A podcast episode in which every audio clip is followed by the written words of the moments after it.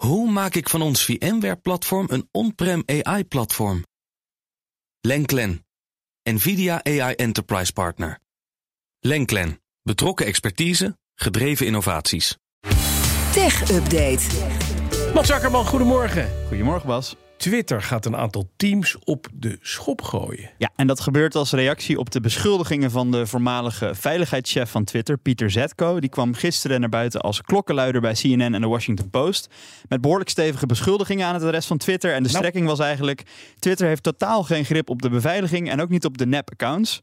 Nou, deze Zetko was dus tot januari de, de chef beveiliging van Twitter. Werd toen in januari ontslagen omdat hij eh, slechte performance zou leveren, gebrek aan leiderschap. En eh, een paar van zijn beschuldigingen zijn dat een veel te grote groep medewerkers toegang heeft tot de belangrijkste systemen en tot gevoelige gebruikersdata, zonder dat daar goede controle op is. Twitter heeft geen idee hoeveel nep-accounts er zijn en doet ook helemaal niks om dat aan te pakken. Oh, fijn. En de directie zou al deze zwakke plekken ook nog proberen te verbergen en er tegen de Amerikaanse overheid over liegen over al deze Ik veiligheid. hoorde de volledige aanklacht van Elon Musk tegen over Twitter. Ah, en ja, hij had- hij had overnamebod. het kunnen zeggen. verhaal. Ja, absoluut. Eh, zeker waar. Ja, en eh Zetko die zegt dus zelfs dat de beveiligingsproblemen bij Twitter zo ernstig zijn dat ze een gevaar vormen van de nationale veiligheid in de Verenigde Staten. Nou, je kan zeggen, al deze beschuldigingen, die heb je aardig wat tweets voor nodig om dat allemaal uit eh, te kunnen zetten. Dat past niet in al die tekens die, maar- waar je aan gelimiteerd zit. Maar je zei al, een reorganisatie. Er worden, worden teams weggehaald of samengevoegd. Ja, het gaat om twee teams en die worden samengevoegd tot één team. Het gaat om het Health Experience Team. Die hebben als taak om desinformatie en schadelijke content te bestrijden. En het Service Team, die hebben als taak om de nepprofielen aan te pakken en offline te halen. Die worden samengevoegd tot één team, het Health Products and Services Team. Komt onder leiding te staan van Ella Irwin, die komt van Amazon en Google. En die heeft tegen het personeel gezegd dat de aanpak van al deze problemen moet de nummer één prioriteit zijn. En dat kan dus ook veel beter met één team. En de reorganisatie die is toch wel een beetje opvallend. Want gisteren heeft de CEO van Twitter al die aantijgingen van Zetko eigenlijk een beetje weggezet als valse beschuldigingen. Heel Ja, ja. inconsistent, klopt helemaal niks van. Maar nu dus toch een dag later lijken ze zich genoodzaakt om een hele reorganisatie door te voeren, de boel op de schop te gooien. Ja, Ja, precies. Er is dus wel wat aan de hand, Mats. en er zou nog ook nog op de achtergrond meespelen dat op die ene afdeling die die schadelijke content moet aanpakken, dat ze daar ook last hebben van een enorme leegloop van het personeel. Dus dat die teams samenvoegen, dat dat ook nog een deel van dat moet oplossen. Juist. Dan, Meta heeft een schikking van 37,5 miljoen dollar getroffen met de Amerikaanse overheid. Waarom? Dat komt omdat ze weer worden beschuldigd van eh, schending van privacy. Oh. Dat is eigenlijk wel vaker het probleem bij Meta natuurlijk.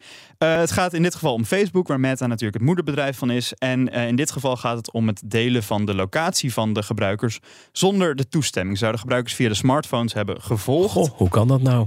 Ja, nou ja, het, ja. heel gek. Ja, nee. het, zou, het zou gaan om gebruikers die bewust de tracking optie hadden uitgezet. Hè, dus dat je aangeeft ik wil niet gevolgd ja, worden. En die worden keihard gevolgd. Ja, want Facebook zou via hun IP-adres dan toch hebben afgeleid waar ze waren. En met die informatie zouden ze alsnog dan gerichte advertenties naar deze mensen hebben gestuurd. Mag niet. En dat mag niet. En daarom eh, is er nu een schikking getroffen. Maar wat wel opvallend is, Meta die ontkent alles. Die zegt eh, dat er niks van deze aantijgingen klopt. Maar ze gaan toch mee met deze schikking van 37,5 miljoen dollar. Oké, eh, maar- maar wacht eventjes. Eh, eerder dit jaar hadden ze ook al een schikking, toch? Ja, dat ging toen om nog iets meer geld, om 90 miljoen dollar. Ja, En dat ging ook over het volgen van ja, gebruikers. precies. Ik denk, dit ken ik ergens van. Ja, joh. nee, toen hield Meta bij welke sites gebruikers volgden als ze niet op Facebook zaten. En dat ging dan om sites waar je wel op de like-knop kon klikken. Dus als je op een webwinkel zat waar je wel iets kon liken. Nou, ook als je dan was uitgelogd, maar op zo'n site eh, het like-knopje indrukte, zagen ze toch op welke site je zat. En die informatie die verkochten ze dan weer door aan adverteerders. En daar hebben ze toen ook eh, voor moeten schikken. Maar gaan, lossen ze het ook op of betalen ze alleen de schikking? Ja, nou ja, ik, je zou bijna denken dat het voordeliger is om te schikken als ze daar steeds. Want ze zeggen zelf, we doen niks fout. Maar ze betalen wel steeds die schikking. Dus misschien, nou ja. De Europese Commissie wil dat chatdiensten controleren op onder meer beelden van kindermisbruik. Ja, het gaat dan om automatische detectiesystemen die moeten controleren op beelden van kindermisbruik. Eh, dus algoritmes die foto's scannen en dan vergelijken met een database met beelden. En dan zo hopelijk beelden van kindermisbruik eruit kunnen gaan pikken. Maar dat gaat dus lang niet altijd goed. Nou, dat vertelde ik maandagochtend ook bij Meindert. Het was een verhaal deze week van een vader in de Verenigde Staten. Die stuurde een foto van de ontsteking van het kruis van zijn peuter naar de arts. Die had erom gevraagd voor een videoconsult, want dit Ja. speelde in coronatijd. Gevolg, hij werd er door de algoritmes van Google uitgepikt. Account werd geblokkeerd, telefoonnummer, mail, agenda, alles. En ook de politie werd door Google ingeschakeld. Er kwam een officieel onderzoek naar deze man. Werd Ja. natuurlijk wel vrijgesproken. Maar goed, het zal je maar overkomen. Dus laten we zeggen, die, die systemen die zijn helemaal niet waterdicht. Maar als het aan de Europese Commissie ligt, mogen dit soort fouten in 1 op de 10 gevallen worden gemaakt. Precies, een foutmarge dus van 10%.